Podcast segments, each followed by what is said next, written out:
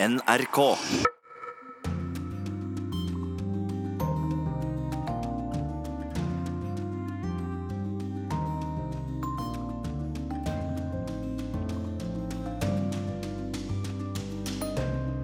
Donald Trump er på reisefot. Nord-Korea og handel topper dagsorden på hans rundreise i Asia.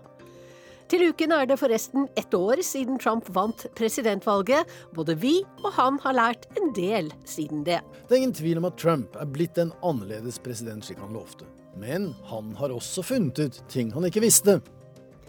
IS er fordrevet fra de store byene i Syria, men har folk som flyktet fra dem nå vende hjem til? En mann i rød T-skjorte og blå jeans følger etter meg og tolken. Han vil absolutt snakke. Ja, han må fortelle sin historie, selv om han er fra Deir al-Sor og ikke fra Raqqa, sier han. Et hus der snikskyttere drepte under den 15 år lange borgerkrigen i Libanon, er blitt til et sted å minnes og forsones. Og virkelig, i Tyskland kommer du også til å spørre etter korrespondentbrevet fra Guri Nordstrøm, for det er mer som skiller oss enn du kanskje tror jobbe fulltid og ha barn. Da ville jeg jo vært en rabenmutter. En ravnemor. Vel møtt til Urix på lørdag, jeg heter Wenche Eriksen. Donald Trump har lagt ut på en tolv dager lang rundreise i Asia, hans første siden han ble president, og den lengste for et amerikansk statsoverhode på 25 år. Han har tatt seg en mellomlanding på Hawaii, men i morgen kommer han til Japan og skal senere besøke Sør-Korea, Kina, Vietnam og Filippinene. Hva slags forventninger er det til besøket? Her er et knippe mennesker fra gater og torg i de fem landene han skal til, og vi starter på den kinesiske mur. Trump vil ha et mektig USA, men Kina kan bli enda mektigere, sier den 32 år gamle læreren Luo Min, som står på den kinesiske mur sammen med elevene sine og vifter med et kinesisk flagg.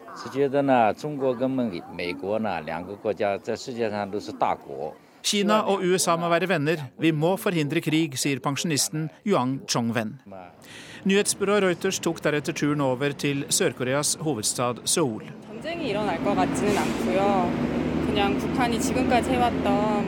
Jeg håper Trump ikke provoserer Nord-Korea, sier 35 år gamle Yong He-jung, mens en eldre mann vil ha skarpere lut. Trusselen fra atomvåpen må bekjempes med atomvåpen, sier Shin Eui-sup. Han håper Trump kan styrke Sør-Korea militært. Og så over Japanhavet til Tokyo.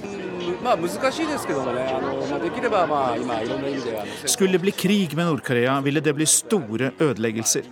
Vi må bevare freden, sier en eldre japaner, Fumiko Nakamura. Og til slutt til Vietnam. Der står en mann blant erobrede amerikanske stridsvogner utenfor Hærens museum i Hanoi og uttrykker beundring for Donald Trump. Trump, ja. Han tør si sin mening, sier Duan Duc Long. Det var Øystein Heggen som hadde laget dette innslaget. Og vi skal videre til Asia-korrespondent Kjersti Strømmen i Beijing. Det er vel eh, liten tvil om at atomtrusselen fra Nord-Korea blir hovedtema på Donald Trumps rundreise i Asia. Hva ønsker de asiatiske lederne å høre fra den amerikanske presidenten? Ja, Det er litt uh, forskjellige ting. Altså, Handel kommer til å være på dagsorden og Nord-Korea. Men uh, det er òg balansering i en region der Kina blir stadig mer dominerende. Eh, og et stort spørsmål er jo om Donald Trump kan klare å eh, ha denne balansegangen i denne kompliserte regionen. Eh, det er jo veldig viktig område for USA, og USA er veldig viktig for mange av de landene her i Asia. Men først og fremst når vi skal ta de største, så er det Japan og Sør-Korea. For dem er det viktig å få understreke at de er sterke allierte med USA, og at USA skal beskytte dem mot Nord-Korea. Men så gjelder det også da forholdet til Kina. Japan vil bl.a. ha USAs støtte til å markere at øyene i Øst-Kina-havet, som på japansk heter Senkaku og på kinesisk heter Diahu, at de er japanske, og at Donald Trump vil beskytte Japan i eh, en konfrontasjon med Kina. Eh, mens Kina vil markere det motsatte og gjøre det tydelig at det her skal USA holde seg utenfor. Eh, de vil jo ikke ha innblanding fra USA eh, i noe som helst som de anser som Kinas ve og vel. Og det kan faktisk være sånn at Kina da får noen til å gå i land på disse øyene for å sende et sterkt signal om at her i dette området er det Kina som i fremtiden skal, bestemme. Skal bestemme. Trump, Trump sliter en del politisk på hjemmebane. Er det spekulasjoner om at han kan finne på noe på denne reisen som trekker oppmerksomheten vekk fra problemer og lave meningsmålinger eh, hjemme i USA? Ja, man har jo her i eh, Østen òg en ganske sånn sterk oppfatning av Trump, han, av Trump, at han er uforutsigbar. Og Jeg var nettopp på den demilitariserte sonen i eh, Sør-Korea. Eh, for to dager siden. Og Der møtte jeg da eh, amerikanske soldater, og de fortalte om Bill Clinton, som jo besøkte eh, den demilitariserte sonen for veldig mange år siden, i 1993. Eh, og jeg tror det var et overraskelsesbesøk, der det ikke var meningen at han skulle komme. Men det som skjedde da, var at han gikk litt for nærme denne broen da, som heter Bridge of No Return, der eh, soldater, liksom, eh, når Koreakrigen var over i 1953, fikk bestemme om de skulle være på den sørkoreanske eller den nordkoreanske sida av grensa, så skulle man da aldri få lov å eller det var, det var en endelig beslutning de da tok. Og dette er jo et sånn sensitivt område, og der gikk Bill Clinton litt for langt inn. Og da var det eh, full forvirring og stress blant de amerikanske soldatene da, på den sørkoreanske siden av grensa, der de bl.a. væpna eh, rifler som de ikke hadde lov til i dette området. Og så lurer nå disse soldatene da på eh, denne demilitariserte sonen hva skjer når Trump kommer? For Han har sagt at han skal ikke dra til den demilitariserte sonen, altså helt tett opp mot Nord-Korea. Men denne mannen er ganske uforutsigbar, og hva kommer han egentlig til å gjøre? Så Det var de veldig spent på. Og Et sånt besøk av Trump opp mot den demilitariserte sonen mot Nord-Korea vil selvfølgelig være ganske provoserende for eh, Nord-Korea. Eh, og jo er en problematikk som de aller fleste landene i denne regionen er svært opptatt av. Og at det ikke skal skapes mer nervøsitet rundt dette enn nødvendig. Da får vi se hvordan eh, det blir. Takk skal du ha, Kjersti Strømmen fra Beijing. Hvor var du da Trump vant valget? Ja, til uken er det ett år siden de amerikanske velgerne bestemte at USAs 45. president skulle bli Donald Trump. Aldri før har en nyvalgt president virvlet opp så mye støv i løpet av sitt første år, og aldri før har en president skåret så lavt på spørsmål om folk syns han gjør en god jobb. Samtidig er det mye å takke Donald Trump for også, mener vår kommentator Joar Ho Larsen. Han lister opp fem gode grunner til å si thank you, Donald, selv om det kanskje har vært utilsiktet fra presidentens side.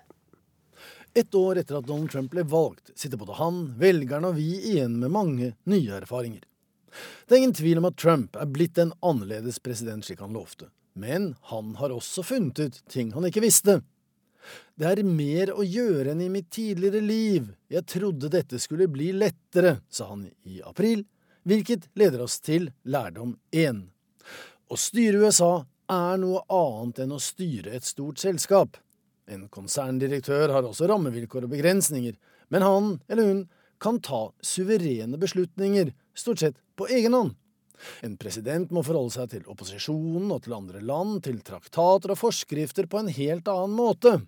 En CEO har ikke Kongressen å ta hensyn til, han har ikke guvernører han må kjøpslå med, eller valgløfter som må innfris. Kort sagt, jo høyere du er på stigen, dess mindre spillerom har du. Hvilket bringer oss til lærdom to. Politikk er et fag. En folkevalgt må innse at det dreier seg om å kompromisse og være i stand til å drive byttehandel. Hvis du stemmer for mitt forslag, så skal jeg stemme for ditt. Donald Trump er 70 år og mangler ikke erfaring, men han mangler relevant erfaring når det gjelder politikerkulturen i Washington. Han kjenner ikke koden og de uformelle signalene, og så mangler han tålmodighet. I noen av Trumps hjertesaker har han vært for rask på labben. Han ville for eksempel ha innreiseforbud vedtatt på rappen, og leverte lite gjennomarbeidede forslag for fort. Slurv og dårlig håndverk blir ikke godkjent i politikken heller. Der må man også lære å gå i lære og ta svennebrev før man blir mester. Og det er jo akkurat dette han hater, derav lærdom tre. Dette er nemlig en av grunnene til at han ble president. Han kunne ikke fordra disse besserwisserne i hovedstaden, korrupte kverulanter som bare tenker på seg selv, etter hans mening. Han ville jo skifte dem ut, drain the swamp. Men han er kommet skjevt ut. Så langt har han i stor grad måttet konsentrere seg om å skifte ut de utro tjenerne han selv brakte med seg. Men akkurat på dette punkt kan det være god grunn til å ønske presidenten lykke til i årene som kommer. For ethvert lukket miljø trenger utlufting. Alle selvtilfredse kulturer, og Washington er faktisk en av dem, har behov for nye impulser. Der har Donald Trump helt rett. Så spørs det om han er den rette til å gjøre det. Lærdom fire. Trump tvitrer, og hans 60 millioner velgere og 40 millioner følgere ser ut til å være mer enn tilfreds, for mange av dem deler presidentens syn på at the mainstream media er uetterrettelig. At journalister er løgnere, at nyhetene er såkalt rigged, og at kommentarene er falske og ondsinnede. Men dette er problematisk, og med et forstår man hvorfor mediene kalles den fjerde statsmakt.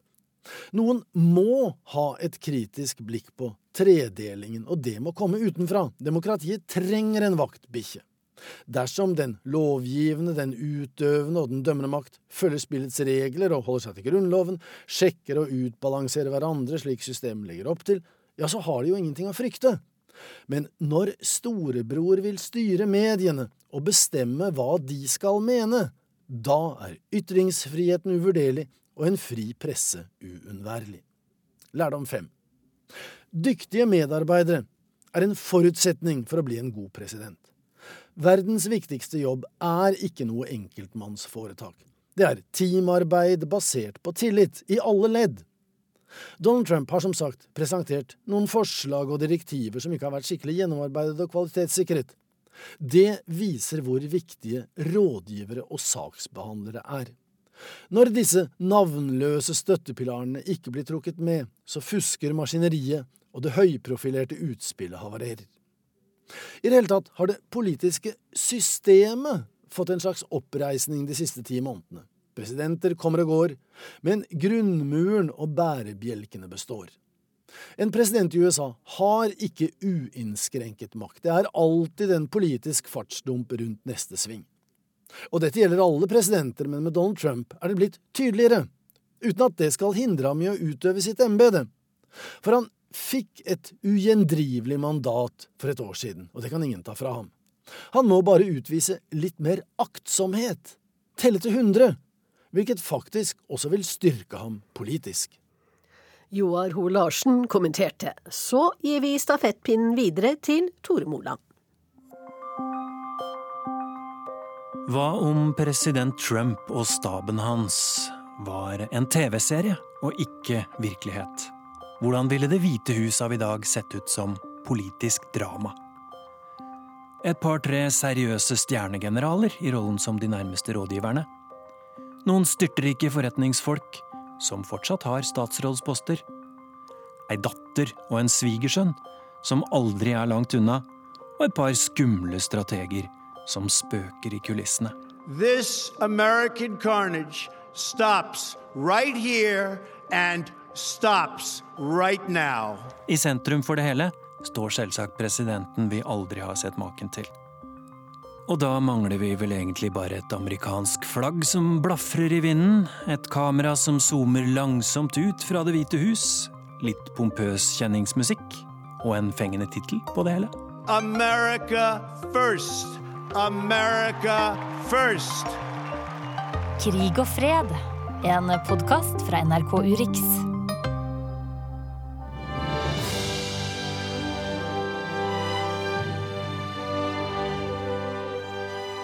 Det her er kjenningsmelodien fra The West Wing, en snart 20 år gammel dramaserie som fulgte det indre liv i Det hvite hus under den fiktive president Bartlett. Father is the third commandment. Then what's the first commandment? I am the Lord your God. Thou shalt worship no other God before me.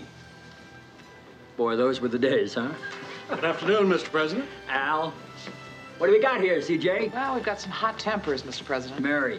Staben hans var en ganske idealistisk gjeng, som fortsatt har mange dedikerte tilhengere som TV-serie. også langt inn i det virkelige politiske liv. Jeg heter eh, Ingvild Næss Stubb, og jeg jobber som statssekretær ved statsministerens kontor. Og så er du veldig glad i amerikanske politiske TV-serier.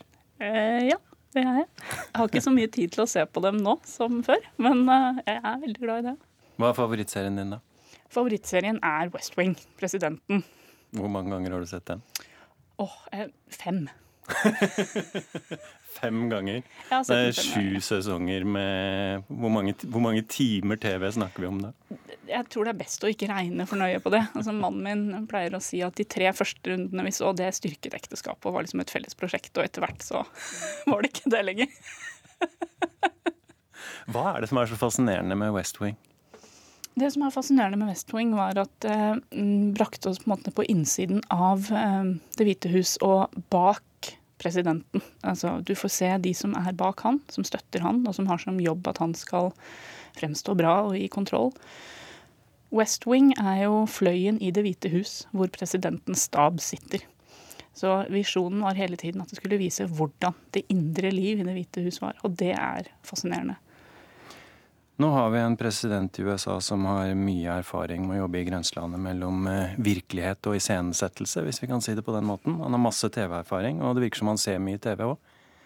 For deg som er glad i politisk TV-drama, hvordan vil du forestille deg at dramaserien om president Trump og hans stab ville se ut? Det er rett og slett vanskelig å se for seg. Ja, det, det vet jeg ikke om jeg tør å spå om. Men figurene? Det fins noen figurer i den administrasjonen? Ja da, det gjør det. My name is Jared Kushner. I am senior advisor to President Donald J. Trump. Let me be very clear. I did not collude with Russia, nor do I know of anyone else in the campaign who did so.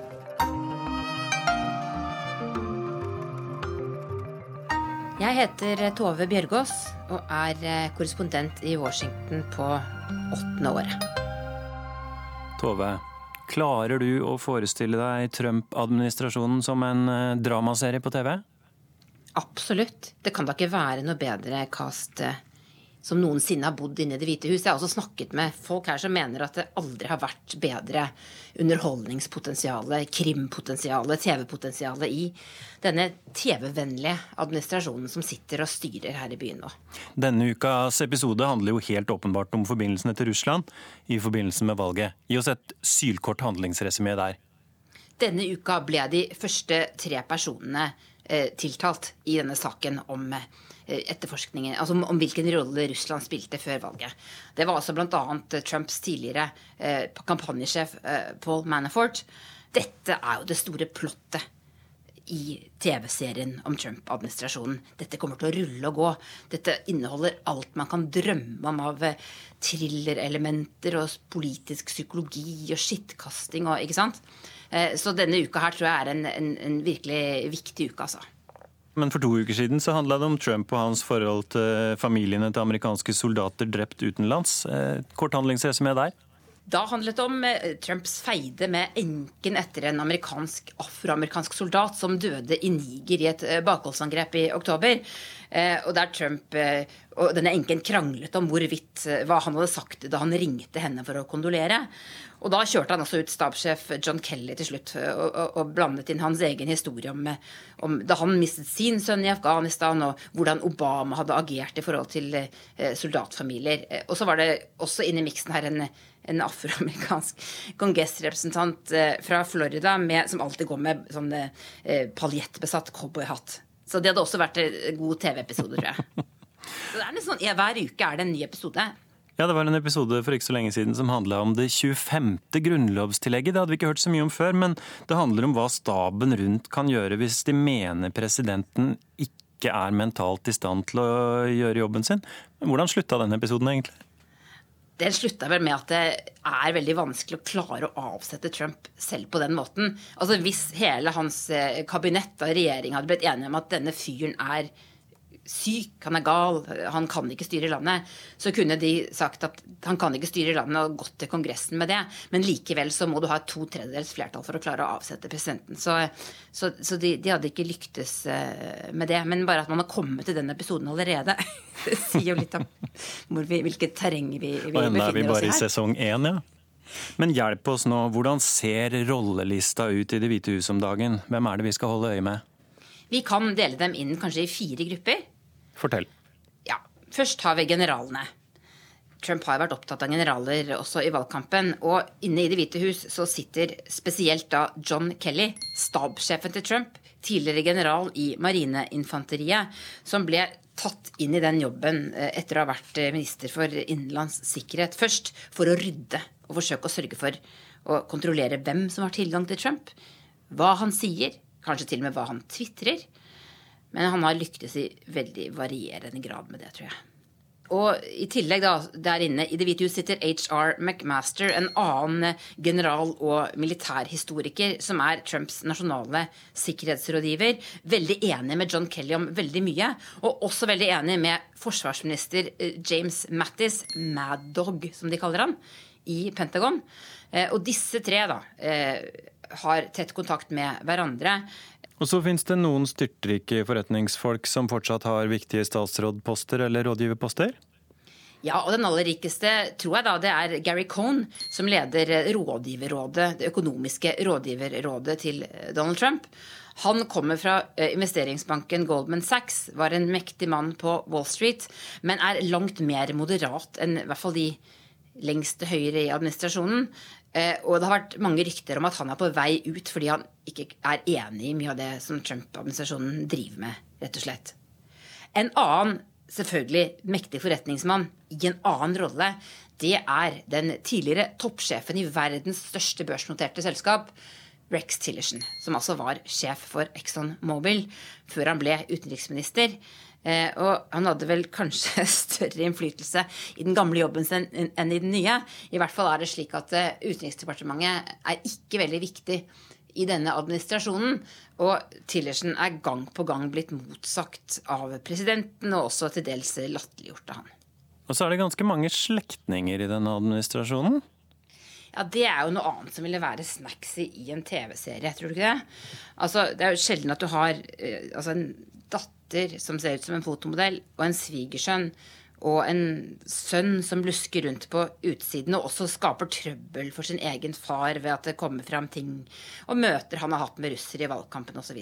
Men de viktigste familiemedlemmene det er jo da selvfølgelig Jared Kushner, presidentens svigersønn, og en av hans nærmeste rådgivere var han i alle fall i begynnelsen.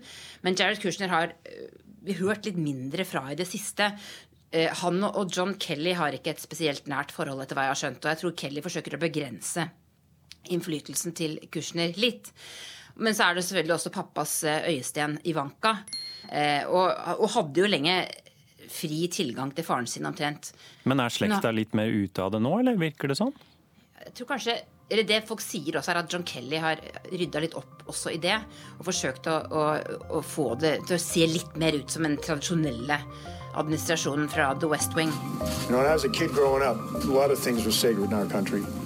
Women were sacred, looked upon with great honor. That's obviously not the case anymore, as we see from recent cases. Life, the dignity of life, was sacred. That's gone. Religion, that seems to be gone as well. Ok, Nå har vi vært gjennom generalene med John Kelly i spissen, og businessfolka og slekta. Og så fins det disse strategene, da, eller noen kaller dem mørkemenn. Ja, I utgangspunktet så var det selvfølgelig Steve Bannon som var det store trekkplasteret for oss journalister inne i Det hvite hus. Den populistiske mediemogulen som sa at han kom til Washington for sammen med Trump å starte krigen mot hele det amerikanske statsapparatet.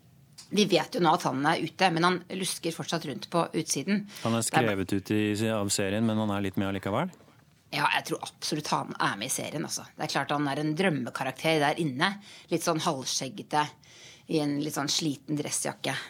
Og det er ikke bare han, for han hadde også noen Det er også et par stykker igjen av de som er veldig enige med han, de litt yngre.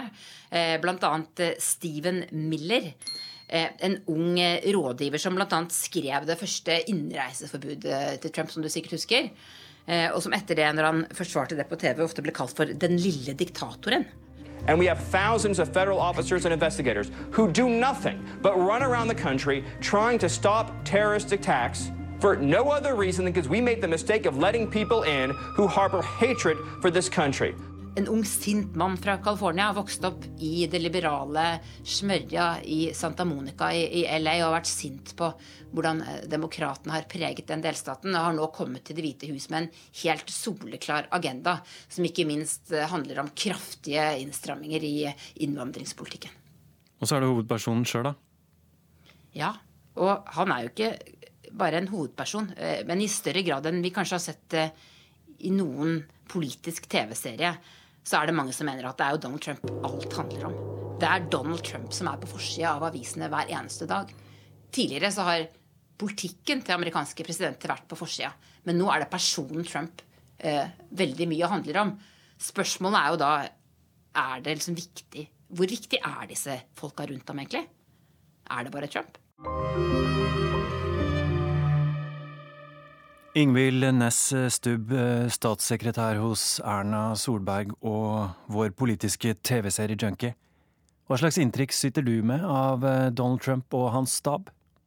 Nei, det har, jo, det har skjedd en god del faktisk i sommer også, og, og, etter i sommer. Men eh, jeg har jo, jeg hører veldig mye bra om HR McMaster.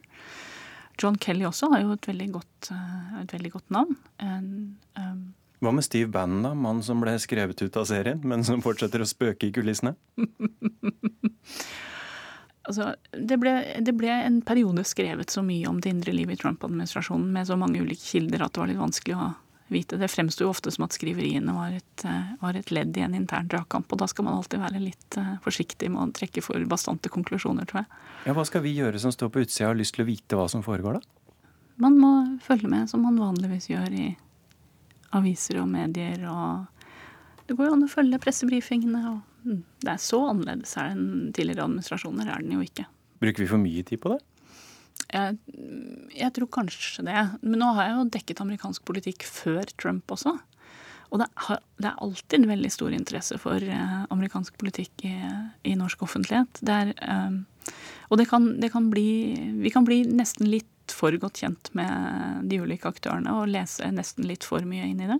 Ja, så Den norske offentligheten trenger egentlig ikke å bekymre seg over eh, det indre liv i Det hvite hus? Jo, nei, det var ikke det jeg mente, for så vidt. Men jeg tror vi skal være forsiktige med å drive og bli sånn kremlologer, da. Ikke sant? At du ser på hvem står der på bildet, og hvem står der på bildet. og Jeg tror ikke vi trenger å overdrive. Mye er som før. Og det som er viktig, tror jeg spiller seg ut eh, såpass offentlig at man får det med seg, uten å sitte og lese mellom linjene om alt.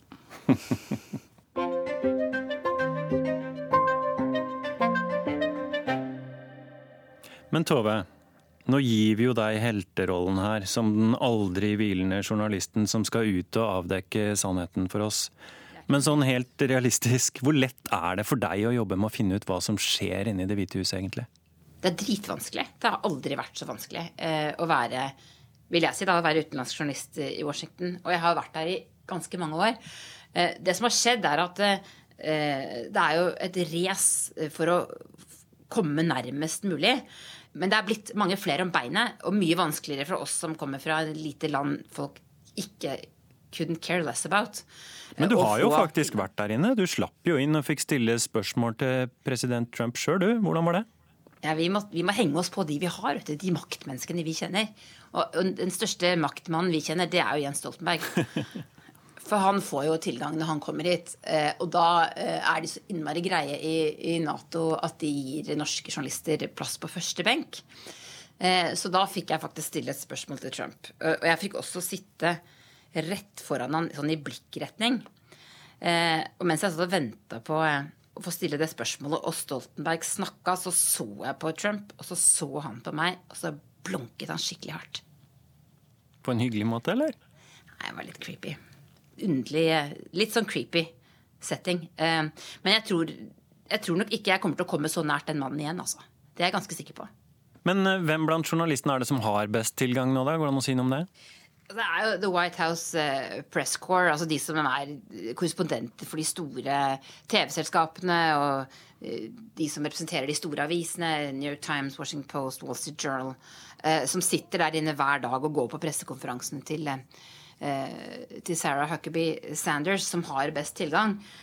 Og så er det selvfølgelig de som får alle lekkasjene, for det har også vært ekstremt viktig. Eller det er veldig viktig. Det, jo, det lekker jo hele tiden. Eh, og der tror jeg ikke minst det er mange avisjournalister som har veldig eh, gode kilder. Men det som i tillegg har dukket opp, er eh, et fenomen som Axios. Har du hørt om det, eller? Det er altså et slags sånn nyhetsbrev som ble startet av et par veldig godt informerte folk fra Politico, nettstedet Politico. Og Mike Allen, som er en av dem som startet Axios, han, han er svært godt informert. Og ifølge folk jeg har snakket med, så ja, så bor han på kontoret, ingen vet helt hva slags venner han har. Eh, en egentlig sånn veldig politisk nerd, som sikkert også hadde vært en god karakter i en TV-serie. I'm Mike Allen, A-L-L-E-N. I'm co-founder of Axios, A-X-I-O-S, Axios.com. The beautiful thing about West Wing is it showed a lot of young people what's possible. But you know this stuff really well. Do you think that today's administration. Can we can we at all compare it to the cast of The West Wing? Is it completely different? The similarities between the show and what's real is the passion of the people who work there. Uh, the actual day to day, it's a lot more exciting on the TV show, uh, a lot more running, a lot more screaming, and a lot more throwing papers. Who's the most exciting character in the White House right now? Uh, President Trump is uh, the president of a lifetime for a journalist the Trump staff, like the president himself, often is almost cinematic characters. So now Steve Bannon is out of the White House, but I think any TV character, TV writer would love a Steve Bannon character.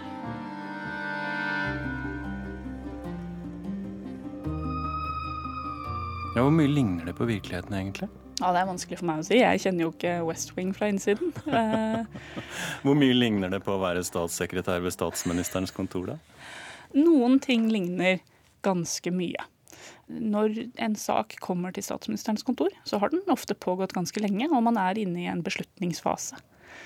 Og så ligner det dette med at saker dukker opp plutselig, at mediebildet skifter veldig dramatisk og kan påvirke arbeidshverdagen din veldig men løper dere rundt i gangene og, og spiller sånn muntlig sånn supersmart pingpong med hverandre med one-liner der den ene overgår den andre, liksom? Er, er det sånn hverdagen her på statsministerens kontor? det er faktisk en del walking and talking. Det er det. Rett og slett fordi noen ganger så går det så fort at det eneste tidspunktet du har, gjerne til å avklare noe med statsministeren f.eks., er når hun er på vei til eller fra, eller eh, på vei ut i bilen. Um, så da løper du etter og snakker? Ja, ja, ja. Må bruke hvert, eh, hvert sekund.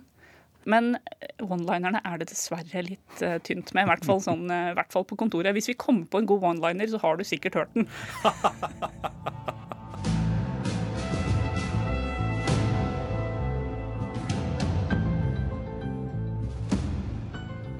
Nå kjenner kanskje noen igjen musikken fra House of Cards, et mye dystrere politisk presidentdrama. Denne uka tok showet skrittet ut av TV-historien og inn i virkeligheten. Sjette sesong er stansa. Hovedrolleinnehaveren er anklaga for seksuelle overgrep mot en 14 år gammel gutt. You might very well think that. I couldn't possibly comment.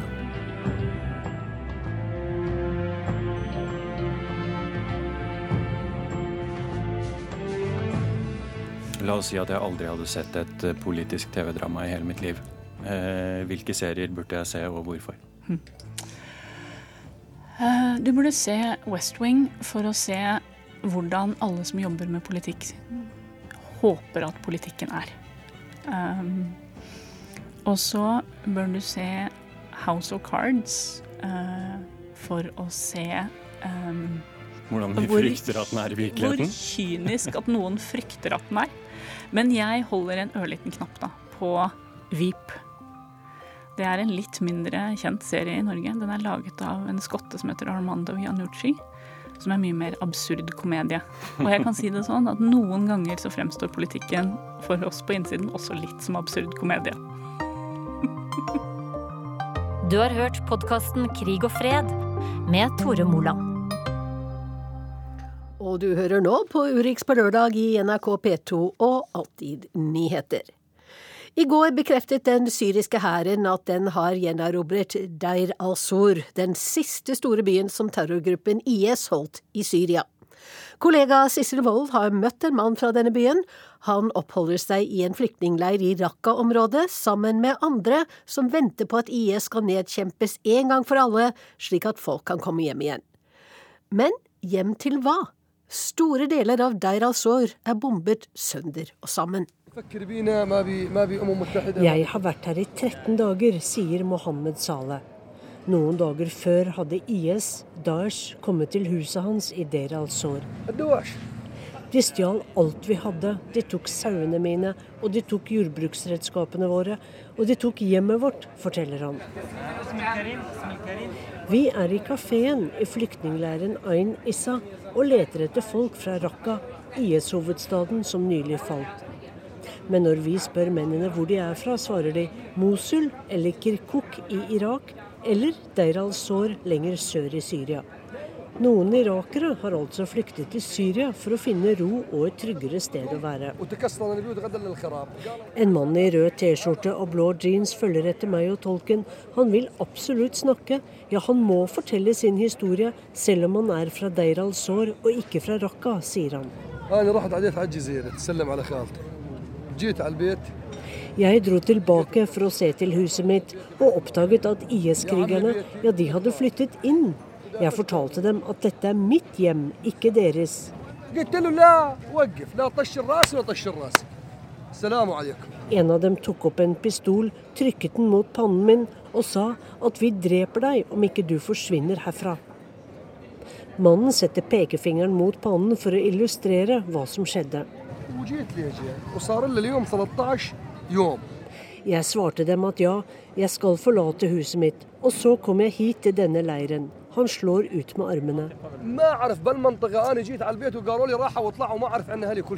Men jeg aner ikke hvor familien min er. Jeg har ikke hatt kontakt med dem på flere uker, sier Saleh opprørt.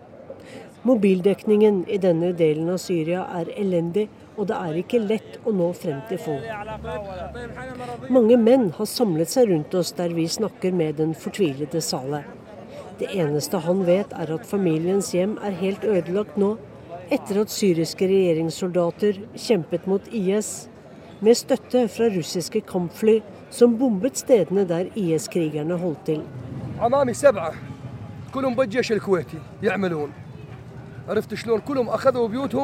Ikke bare vårt hus, men hele nabolaget vårt i Deir al-Sor er ødelagt nå, forteller han opprørt til NRK. Men hvor kom disse IS-folkene fra, spør jeg. Jeg aner ikke. De var utlendinger. Men når du står mot en pistol mot hodet, så spør du ikke 'unnskyld, hvor kommer dere fra'? Folk rundt ler litt, mens Mohammed Saleh forteller med stor innlevelse. Galgenhumoren er en fattig trøst her. Hvilket yrke hadde han i Deir al-Sor, spør jeg. Var han sauebonde? Jeg gravde etter vann, for det var ikke mye vann rundt der vi bodde, forklarer han. Hvor er USA og hvor er FN, spør han så. For han tror at jeg som er utlending er fra en hjelpeorganisasjon, og han trenger hjelp. Men mest av alt vil han bli hørt i mylderet av flere titusener av slitne flyktninger i denne enorme byen av hvite telt, sorg og elendighet. Nå som kampene mot IS er i sluttfasen, håper han å komme hjem, i alle fall til restene av hjemmet sitt. Den gode nyheten er at IS snart er militært slagne, og at de kan vende hjem.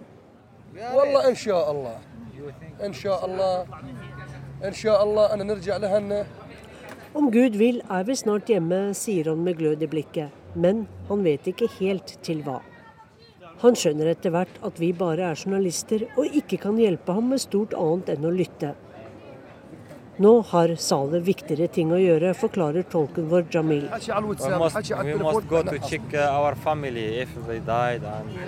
Han må finne ut om familien hans er død, eller hva som har skjedd med dem. Og så går mannen med rød T-skjorte videre og blir borte i mengden av mennesker som kaver og strever for å komme seg gjennom nok en lang dag i flyktningleiren.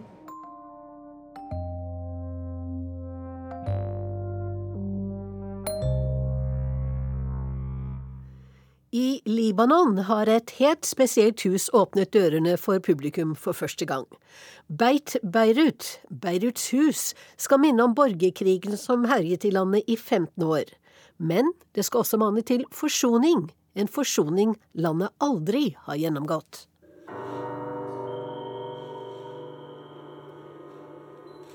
Det kvadratiske hullet i veggen er ikke stort, men stort nok til å se ut gjennom Stort nok til å hvile et geværløp. Stort nok til å drepe. Det var her de sto, noen av skarpskytterne under den libanesiske borgerkrigen. De så ut på byen fra huset ved frontlinjen som delte hovedstaden i to.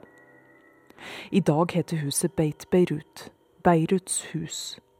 Det er en arret, kuleskadet bygning i flere etasjer, delvis ødelagt av borgerkrigen som raste i 15 år. Å gå inn hit er som å gå inn i de mørkeste delene av menneskesinnet.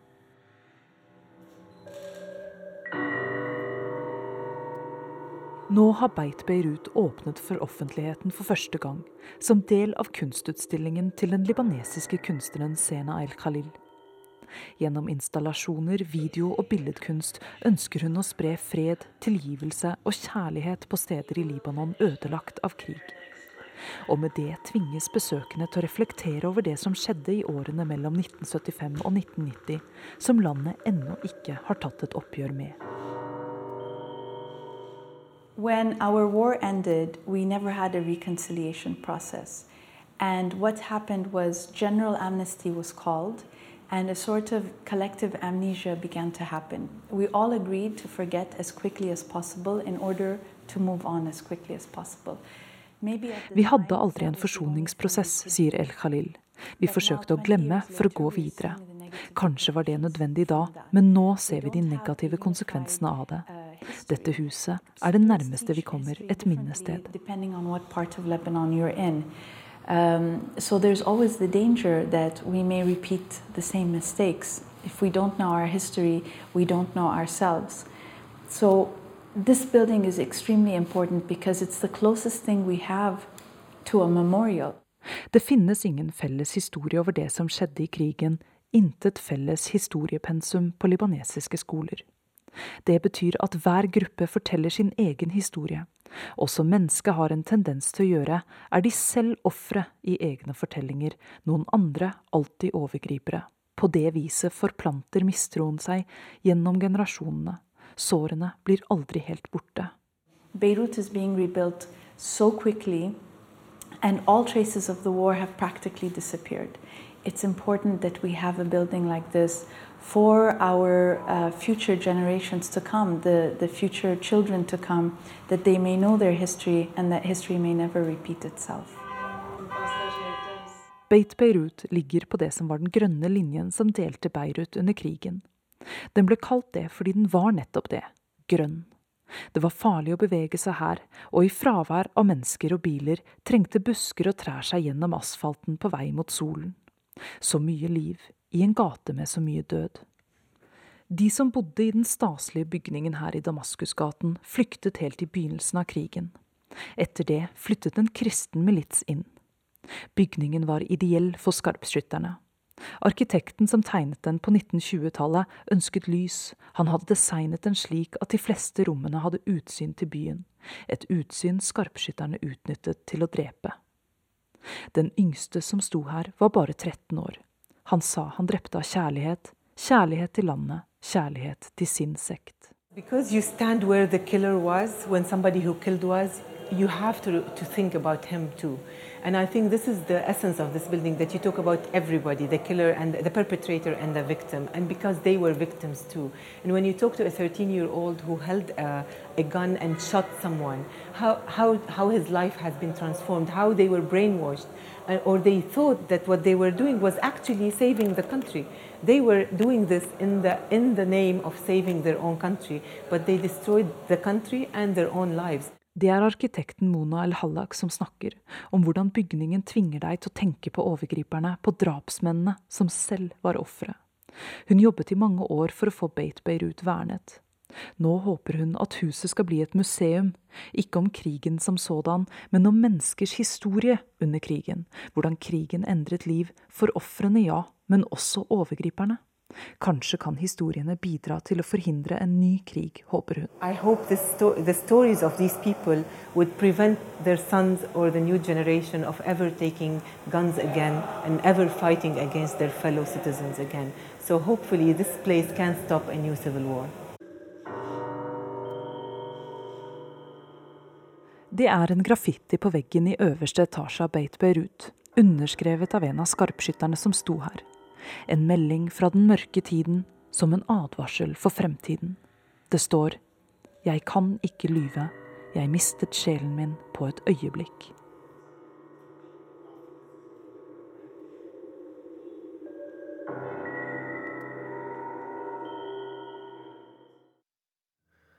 Midtøsten-korrespondent Kristin Solberg rapporterte fra Beirut. Virkelig? I Tyskland? Ofte tenker man at Tyskland ikke er så ulikt Norge, men det er en del ting som skiller.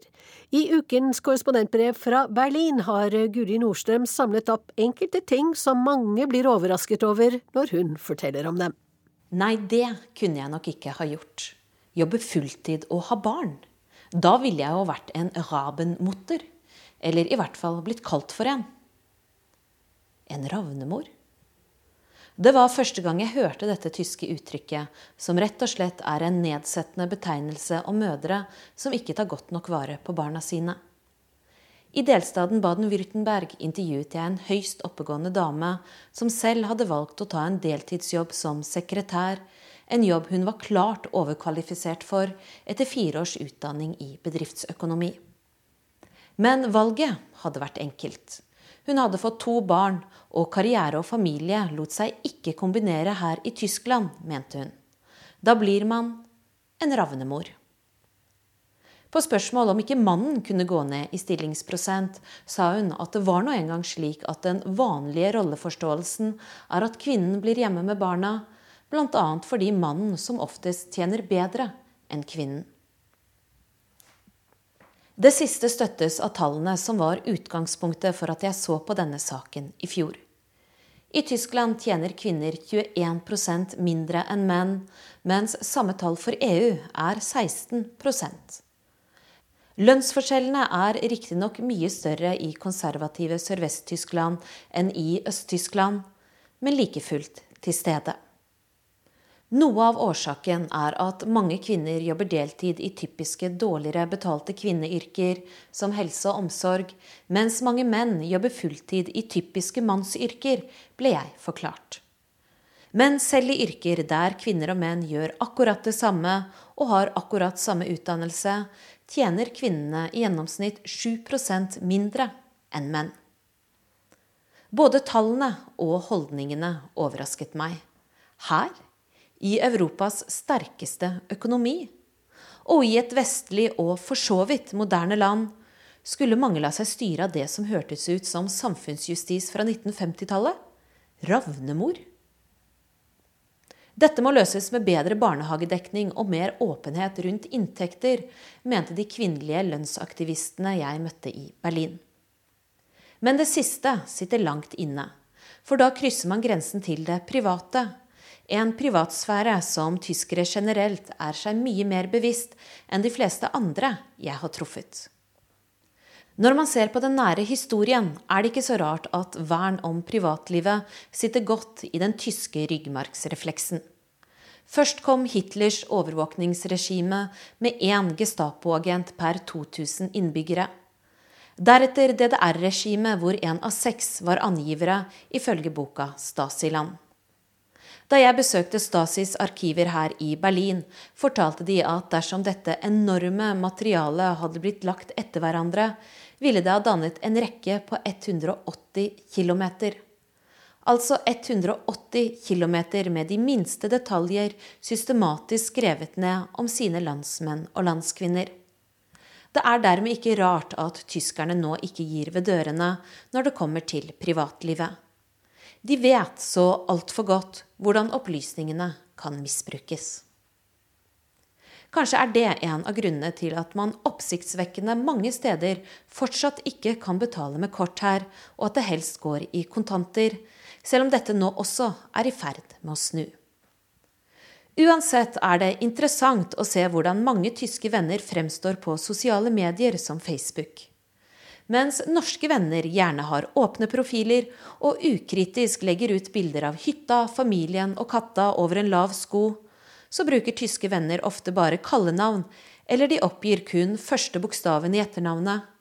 Profilbildet kan gjerne være et landskap eller en tegneseriefigur. Personlige bilder og oppdateringer er det litt av. I en undersøkelse fra 2015 sa to tredjedeler at de bevisst styrer unna internettjenester hvor de må oppgi personlige data.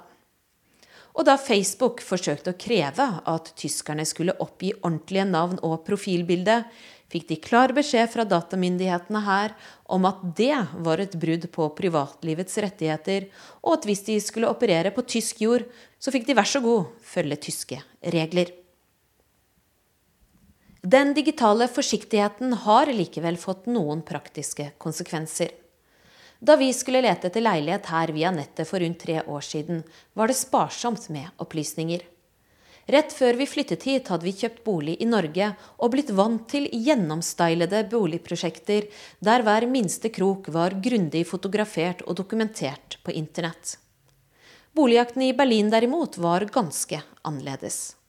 Ofte var det ikke bilder innenfra leiligheten, og de få bildene som var, sa svært lite om hvordan det egentlig så ut. Som regel sto det verken gatenavn eller bolignummer i annonsen, kun bydel. Og alle som har vært i Berlin, vet at dette er en rimelig stor by. Så da de f.eks. oppga bydel Mitte, sa ikke det så mye annet enn at det dreide seg om et sted i en bydel med over halvparten av Oslos innbyggere. Vi kunne få adressen per telefon ved å ringe til megler i åpningstiden, fikk vi beskjed om. Men da vi gjorde det og la adressen inn i Google Maps, var det lite å hente. Stort sett var det bare sladdete bygninger å se. En kvart million tyskere ba nemlig Google om å viske ut hjemmene deres da gatefototjenesten Street View kom på markedet. Og dette ble støttet av den tidligere innenriksministeren. Hvis du er bekymret for at USA spionerer på deg, bør du slutte å bruke Google og Facebook fordi kommunikasjonen går gjennom amerikanske servere, sa han under den amerikanske avlyttingsskandalen i 2013 som satte en støkk i forholdet mellom USA og Tyskland. Noe av dette er kanskje årsaken til at mye foregår analogt her. For et par uker siden fikk jeg en håndskrevet lapp i postkassa med beskjed om at jeg måtte være hjemme lørdag mellom klokka 8 og 11, for da kom han som skulle lese av varmtvannsmåleren. Hvis han kom til låst dør, ville jeg måtte betale for ny avtale, sto det. Den samme prosedyren gjelder når noen skal lese av strømmen og oppvarmingen av leiligheten. Det blir altså en del ganger i året hvor man får beskjed om å være hjemme fordi det kommer noen som skal gjøre ting som jeg tenker at jeg egentlig kunne ha gjort selv. Nå sist forsøkte jeg å foreslå det.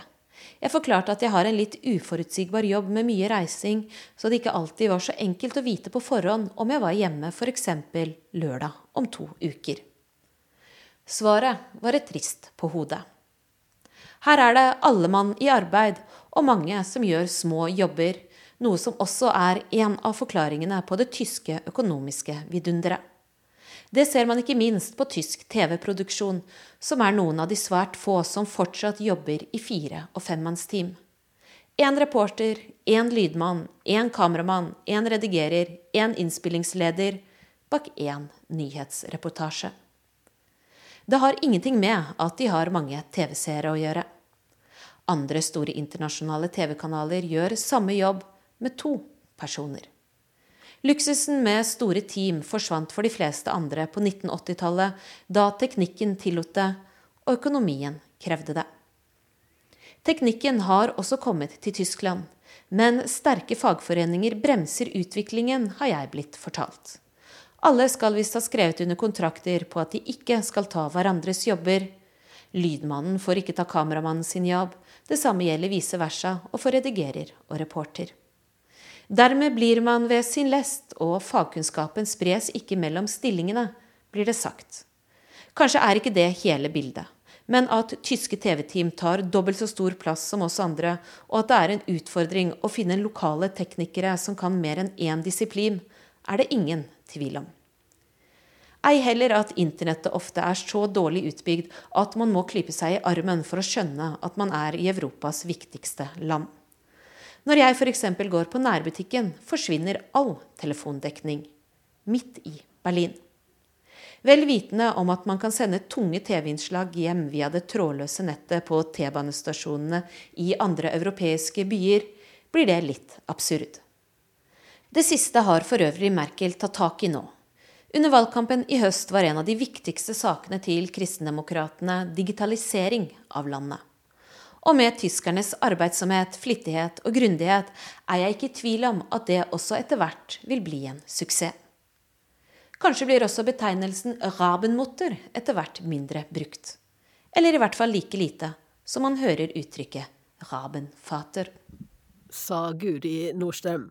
Det var Urix på lørdag, men Urix er tilbake på TV mandag kveld på NRK2 med en spesialsending om Qatar.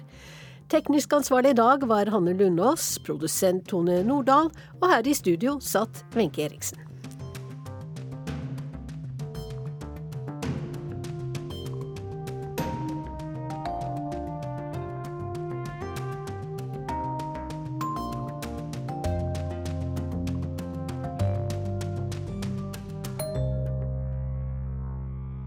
Du har hørt en podkast fra NRK P2.